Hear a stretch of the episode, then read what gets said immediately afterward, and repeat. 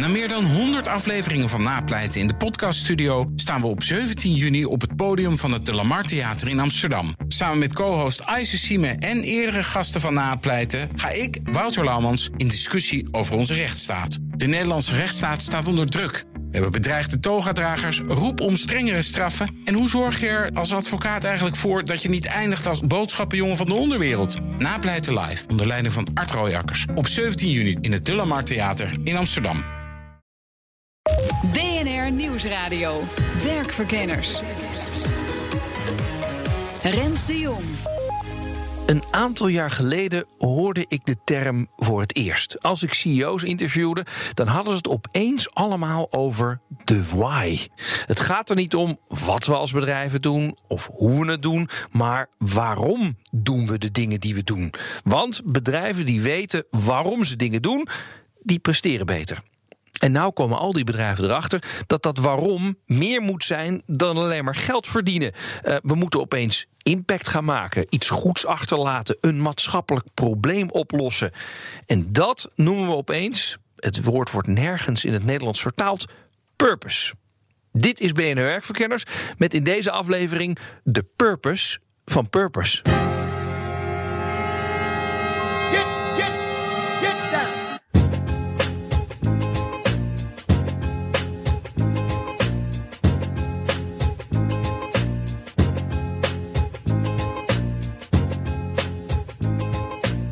Tegenwoordig heeft iedereen het over purpose. De mission statements vliegen je om de oren. Het wordt dan ook ongelooflijk belangrijk gevonden. Zo blijkt ook uit de grote marketing-enquête 2018. 75% van de Nederlandse marketeers vindt dat zijn of haar bedrijf een positieve bijdrage levert aan de maatschappij. Een purpose heeft dus. Maar ja, wat is het dan precies? Daarom praat ik met Jeroen Drijver van Peak 4. Hij helpt bedrijven met ja, met, met wat eigenlijk? We helpen bedrijven van de inrichting van purpose. Dus stel je, je hebt een, een, een purpose statement. Uh, wat ga je dan vervolgens doen om dat ook te realiseren en daar uh, een waardevolle invulling aan te geven? Oké, okay, maar wat is purpose dan precies? Is het duurzaamheid? Is het impact maken? Is het geld geven aan goede doelen? Nou, niet dat laatste in ieder geval. Uh, dat, dat is een beetje ouderwets. Hè. Dat was vroeger een, uh, een, een, klein hobbyprojectje ergens uh, van HR. We geven ook nog wat van onze winst aan een goed doel.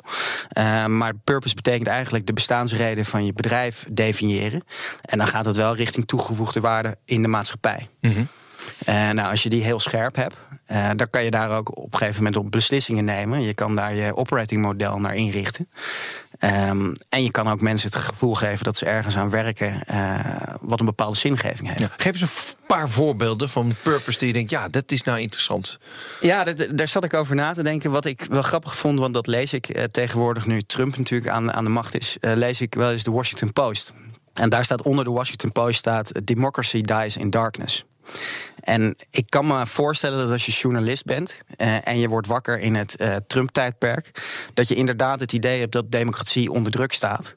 Uh, en dat jij degene bent die alle wrongdoing zeg maar, aan het licht moet brengen. Ja, ja. Dus ik vind dat. in ieder geval spreekt mij die aan, terwijl die eigenlijk negatief geformuleerd is. Dus hij is misschien wel niet eens helemaal correct, maar ik denk wel dat hij mensen aanspreekt. Een ander aardig voorbeeld is Patagonia, een outdoormerk met een mission statement. Dat luidt als volgt: Build the best product, cause no unnecessary harm, use business to inspire and implement solutions to the environmental crisis. Zo'n statement stuurt het bedrijf volgens Jeroen een duidelijke richting op. Dus als jij nou als een CEO beslissingen moet nemen in je bedrijf.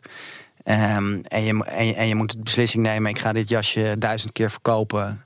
Uh, maar ik, ik, ga snel nog een lijn maken, zodat ik in de herfst een nieuw jasje duizend keer kan verkopen. Mm -hmm dan geeft dit wel een richting in of je dat wel of niet moet doen. Ja. En, uh, en, en ik denk dat dat bij purpose belangrijk is. Dus als het geen richting geeft voor beslissingen, dan, dan heb je eigenlijk je purpose zo breed gedefinieerd dat alles er maar in past. Je purpose moet dus niet te breed zijn. Bedrijven die zeggen dat onze purpose is de wereld verbeteren, mm, ja, die schieten niet zoveel op. Oké, nou hebben we een beetje door wat purpose is. Maar waarom is het nu opeens zo'n hype? Al die grote corporates praten opeens over purpose dit en purpose dat. Han Mesters heeft wel een idee. Hij is sectorbankier zakelijke dienstverlening bij ABN AMRO... en hij is gespecialiseerd in human capital. Kijk, eh, wat je ziet is, er is een uitdrukking dat heet technology drives out purpose. Je hebt heel veel mensen die werken, helaas, eh, om elke week geld te krijgen of elke maand geld te krijgen. Het maakt ze eigenlijk niet uit wat ze doen. Uh, dat zit de kwetsbare beroep, want die beroepen worden steeds meer uh, geautomatiseerd. Dus wat je overhoudt is een, is een werkzame populatie. En vooral mensen die het verschil maken met een HBO-plus-achtige opleiding, noemen we dat altijd. En we zien dat die mensen eigenlijk steeds bij stilstaan bij de vraag van waarom doe ik dit eigenlijk? Dus die purpose wordt alleen maar belangrijker naarmate zeg maar, de, de routineuze banen worden weggeautomatiseerd. Maar waarom is dat dan?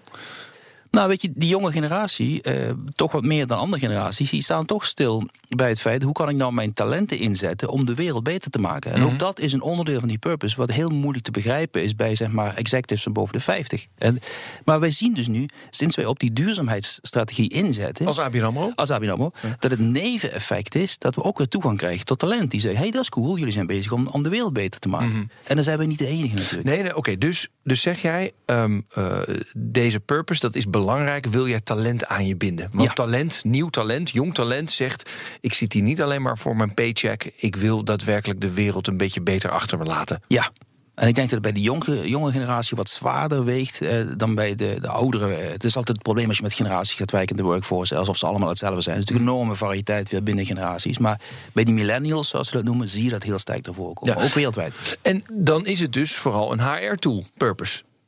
Dat zou je zeggen, maar ik denk dat wat je ook ziet binnen HR is dat employer branding wordt belangrijker dan corporate branding. Randstad, eh, Jacques van der Broek, CEO, die gaf een presentatie een paar weken geleden waarbij hij verwacht dat we naar structurele tekorten op de arbeidsmarkt gaan. Dus je moet wel je best doen in termen van uitstraling en cultuur eh, om talent aan je te binden. En er komt er nog wat anders bij kijken. Dat, dat wij als bank gelukkig zeggen nu dat de contractvorm er niet meer toe doet. Mhm. dus we zijn al lang blij dat we beschikking krijgen over kapitaal. En de contractvormen zijn afgeleiden. Over menselijk kapitaal bedoel je? Hebben Over menselijk kapitaal, ja. Dus mensen die heel veel in projecten bij ons werken, die hoeven natuurlijk niet in, in dienst. Hè. Maar voor die mensen die op projectbasis bij ons werken, uh, geldt ook, de purpose moet kloppen. Ja. ze komen voor ons om, eh, of het een leuk project is natuurlijk, maar het moet ook een goed bedrijf zijn. Als jij zegt, dit is eigenlijk alleen vooral voor millennials heel belangrijk, zijn we dan niet het hele bedrijfsleven aan het omkatten om maar millennials binnen te krijgen? Daar, heb je wel een punt. Ehm, het, probleem is uh, complex in die zin dat millennials sowieso niet lang bij je blijven. Hè. Als ze vijf jaar bij je blijven, mag je blij zijn. Het zijn wel mensen met de meest recente inzichten hè, over uh, nieuwe manieren verwerken, kennis uitdelen. Hun, hun kenmerken passen wat beter bij deze tijd. Het wil niet zeggen dat mensen in andere generaties, ik ben een generatie X-man, ik heb heel veel respect voor millennials, maar ik ben ook wel purpose gedreven. Dus ik heb ook generatie X-componenten in mij zitten. Mhm. Dus het is niet zo zwart-wit dat het alleen maar in één generatie zit. We zien alleen massaal aanwezig bij die generatie.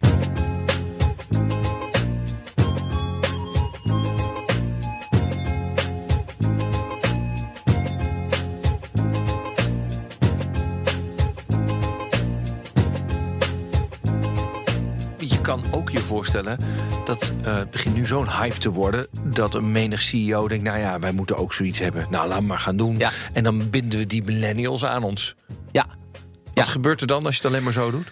Nou ja, dan, dan voelt het bedrijf gewoon dat die intentie eh, is met een, een, doel om die millennials te binden. Ja, dat ga, je, dat ga je ervaren, dat ga je voelen in de minute dat hij iets daarover gaat zeggen. Uh, en dan creëer je dus ontzettend veel cynisme en, en ook wel ongeduld in je organisatie. Hmm. Ja, dan doet het eigenlijk meer kwaad dan dat het goed doet. Ja, ja. Dus dit, het heeft ook een bepaald gevaar in zich, begrijp ik. Als je dit gaat doen en je zegt we hebben een nieuwe purpose, een nieuwe missie. Ja. En als je het dan niet voldoende doorvoert? Ja, zeker. Ja, nee, dan, uh, dan kan het misgaan. Dus eigenlijk ook als je aan een purpose moet, gaat willen werken. Um, zorg dat je dat zelf doet als bedrijf. En misschien begin wel met de 10% mensen die eigenlijk bij je bedrijf willen weglopen, om, omdat ze het niet ervaren. Die hebben genoeg ideeën. Uh, die nodig je gewoon uit via intranet. En die zeg je: kom even allemaal bij mij. Um, en vertel eens waarom, gaan jullie, waarom willen jullie weggaan? Mm -hmm. Nou, die, die komen al met genoeg ideeën om daar iets aan te gaan doen. Maar als jij begint met een, uh, een extern marketingbedrijf inhuren om een mooie statement te maken dan ga je al je, je eerste weeffouten eigenlijk creëren. Pas dus op voor bedrijven die in de weer zijn met marketingbureaus die helpen met de purpose. Dan kun je er vergif op innemen dat de purpose puur voor de bühne is. Niet meer dan een paar leuke one-liners om millennials te lokken. toch worstelen heel veel bedrijven met dat purpose gedachtegoed. Frits Philips is van de School of Life en ziet dat veel bedrijven er best moeite mee hebben. Het is een beetje, eh, het voelt een beetje als fake it. Maar je kunt het ook faken until you make it. En ik denk dat ja, sommige organisaties voel ik ook die aarzeling. Maar het is denk ik net als een, uh, als een, als een kindje dat leert lopen. Maar dat, dat begint ook met, met babystapjes en, en moet zijn weg vinden. En ja, ik denk dat de belangrijke vraag is: van, waar, waar komt die behoefte vandaan? Dat is lastig te verklaren. Ik denk dat een, dat, een, dat een belangrijk deel komt natuurlijk uit een soort van collectieve maatschappelijke ontwikkeling. we willen weten waar we het voor doen.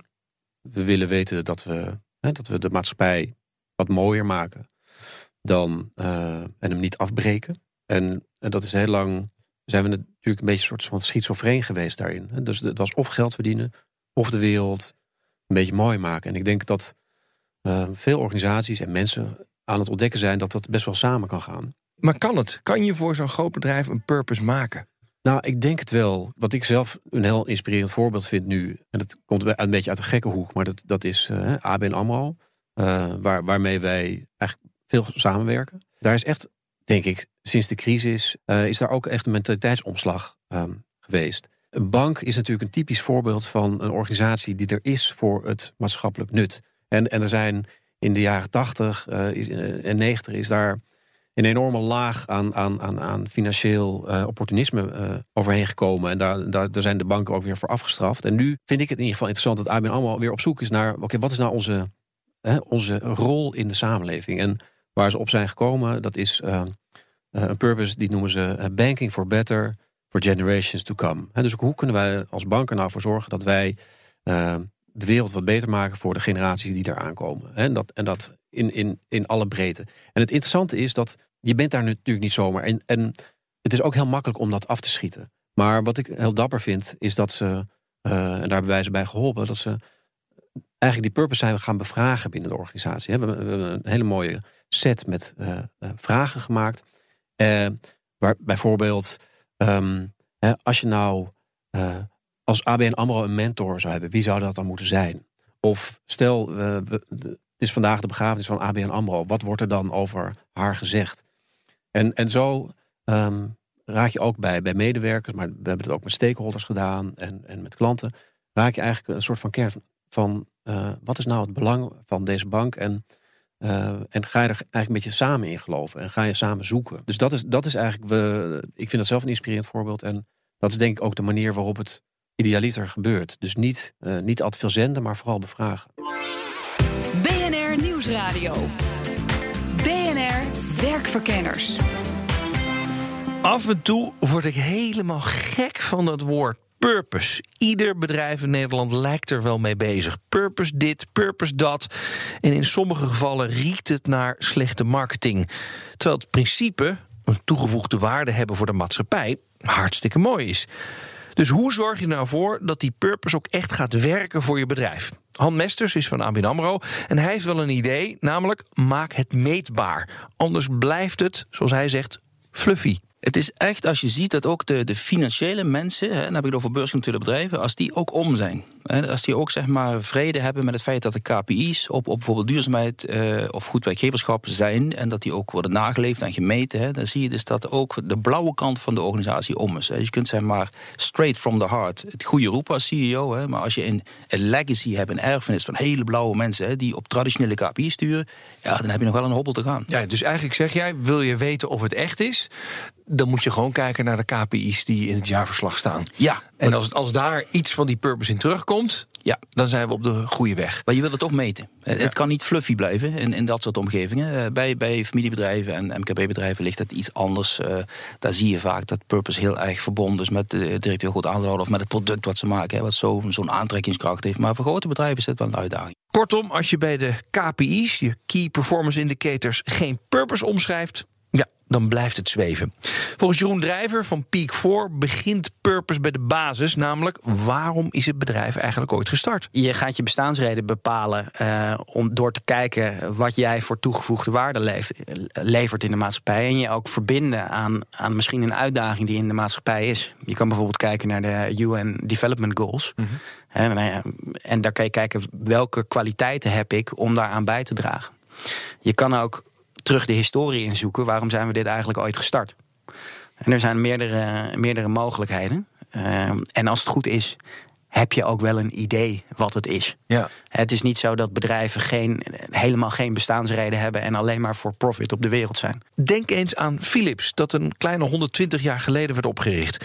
Al vanaf het begin hadden zij een breed begrip over wat goed werkgeverschap eigenlijk inhield. Uh, ze bouwden huizen, scholen voor hun werknemers. Ze richtten een voetbalclub op. Nou, ga maar door. Eigenlijk zou je dat ook purpose kunnen noemen. Anton Philips had dat wel goed in de gaten. En dat is ook een andere belangrijke voorwaarde voor serieuze purpose, namelijk een CEO die het echt omarmt. Aan de ene kant kijk je naar het leiderschap. Dus wat voor gedragingen en waarden stralen zij uit? Hoe kunnen zij een rolmodel zijn in het leven van die purpose? Want als dat niet gebeurt, dan heb je eigenlijk meteen een cynisme gecreëerd in je organisatie. Uh, en, en, en daarnaast heb je eigenlijk je operating model. Dus hoe ga je je bedrijf aansturen en wat wordt je werkwijze? En om van dag tot dag uh, enigszins je purpose te ervaren, heb je daar ook echt verandering in nodig. Mm -hmm. En hoe ga je dat dan doen? Uh, dat is bijvoorbeeld om te kijken van langs welke meetlat leg je de beslissingen. Dus als dit onze reden van bestaan is, uh, dan hebben wij ook dit doen we wel en dat doen we niet. En daar help jij de, de, de board dan mee, zeg maar? Ja. Oké. Okay. En vinden die dat lastig? Um, ik, denk dat ze, ik denk dat ze het voelen als een kans, veelal. Uh, maar ook veelal de diepte van de consequentie als je eraan wil werken niet, uh, niet helemaal kunnen overzien. Dus mm -hmm. je kan niet met een extern marketingbedrijf aan je purpose gaan werken. Uh, want dan blijft het dus heel erg oppervlakkig. Kun je je voorstellen dat daar in de media onder andere soms een beetje cynisch op wordt gereageerd? Ja, volledig. Ja? Dat kan ik me wel goed voorstellen. Waarom, ja. waarom kan jij het voorstellen? Nou, ten eerste omdat het een woord is die je nu in één keer overal hoort. Uh, ten tweede omdat je denk ik ook bedrijven ziet uh, die het dus inderdaad voornamelijk, waar het voornamelijk om de purpose statement gaat. Uh, en waar de intentie niet per se is, wij gaan inderdaad een uitdaging in de maatschappij oplossen. en ten, ten, derde denk ik omdat journalisten het misschien niet in de, in de grote geschiedenis kunnen zien. Mm -hmm. Dus dan is het opeens een woord wat nu uh, eigenlijk opkomt. Uh, maar als je, ja, als je de geschiedenis van 200 jaar bedrijfsvoeren kent, dan is het vrij logisch dat het nu komt. Want?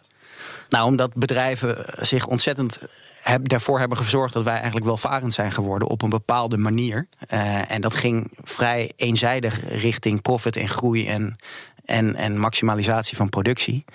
En omdat we nu eigenlijk wel, uh, als we in de spiegel kijken, daar ook van kunnen zeggen: hé, uh, hey, maar dat heeft ons ook iets gekost. Uh, en die kosten komen in één keer volledig bij de mensen die nu gaan werken. Mm. Uh, dus ja, die, hun ambitie richt zich dus ook daarop. Als we dat niet fixen, dan, uh, ja, dan wat, is, wat is het leven van onze kinderen dan?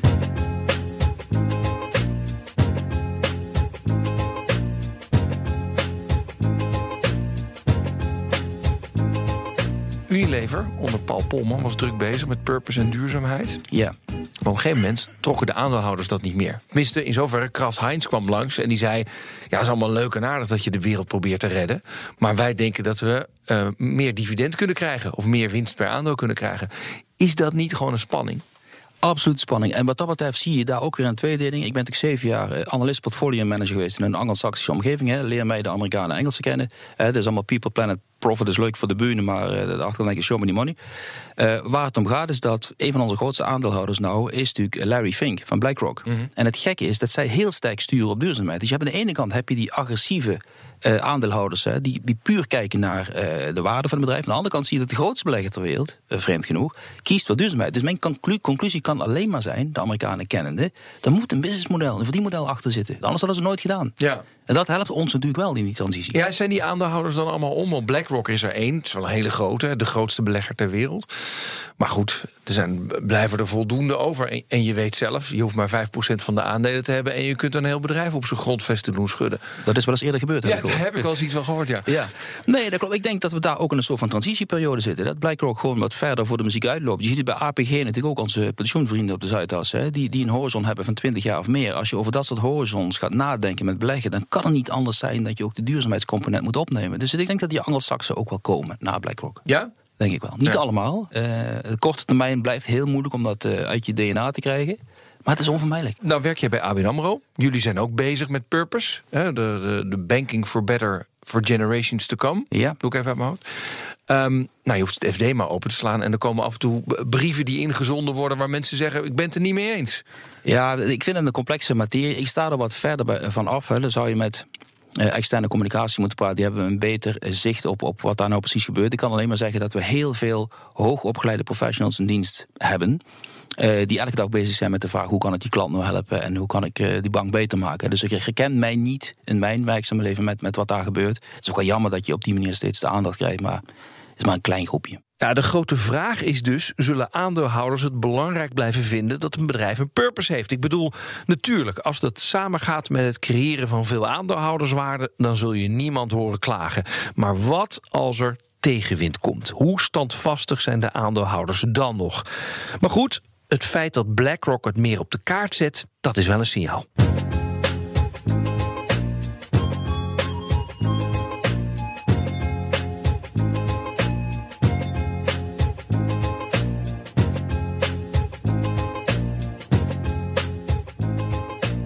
Andere kant denk ik wel eens het publiek zelf. Wij zijn ook een beetje schizofreen. Ja, Toch? zeker. We- we- Aan, aan, Ja. aan de ene kant eh, zeggen we allemaal duurzaamheid, duurzaamheid heel belangrijk.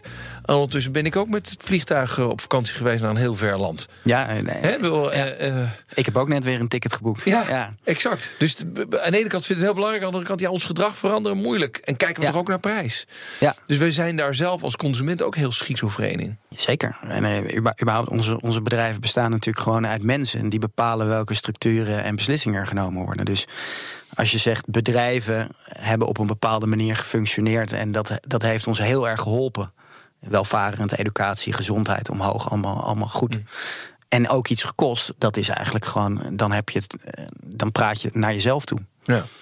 Eh, en dat betekent dat er bij ons ook een eh, kleine systeemverandering of verandering in denken eh, nodig is. En dat veranderen in denken, dat begint met een doel. En dat doel dat geldt zowel voor personen als voor bedrijven. Dus denk erover na, schrijf het op en start vanuit dat punt. Volgens Jeroen mag je best een beetje opportunistisch zijn, zolang het nog maar oprecht is. Ik denk dat het helemaal niet erg is dat bedrijven dit zien als kans. Zij zitten ook in. Zij zien dat hun cockpit niet meer werkt. Zij weten eigenlijk ook niet of ze over twee of drie jaar nog succesvol zijn. Eh, ze zien concurrenten die in één keer opkomen en hun hele business kunnen veranderen. Ehm, en dat is vrij logisch om dan te kijken naar hey, hoe kunnen wij onze medewerkers zo actief en betrokken maken. ehm, dat er ook een soort vernieuwingsproces in ons bedrijf aan de gang gaat. En het is helemaal niet erg om deels opportunistisch naar die purpose-beweging te kijken. Als je maar beseft dat je waardesysteem en je gedrag zelf ook zal moeten veranderen, wil je dat echt kunnen realiseren in je organisatie.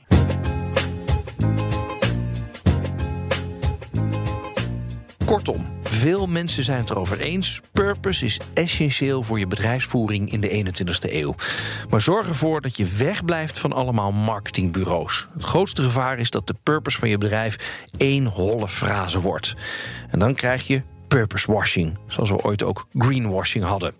Belangrijk is, het moet vanuit je eigen mensen komen. Die moeten bepalen waar zij heen willen met het bedrijf. En zorg ervoor dat die purpose ook meetbaar wordt. Anders blijft het, om met de woorden van Han Mesters te spreken, fluffy. En die weg zal niet makkelijk zijn. Aandeelhouders, een cynische buitenwereld en het conflicterende gedrag van consumenten, het kan allemaal roet in het eten gooien. Maar uiteindelijk moet ieder bedrijf zich wel afvragen: wat is mijn maatschappelijke bestaansrecht? Dit was BNR Werkverkenners. Wil je nou niks missen? Abonneer je dan op onze podcast via iTunes, Spotify en bnr.nl. Mijn naam is Rens de Jong. Tot het volgende jaar.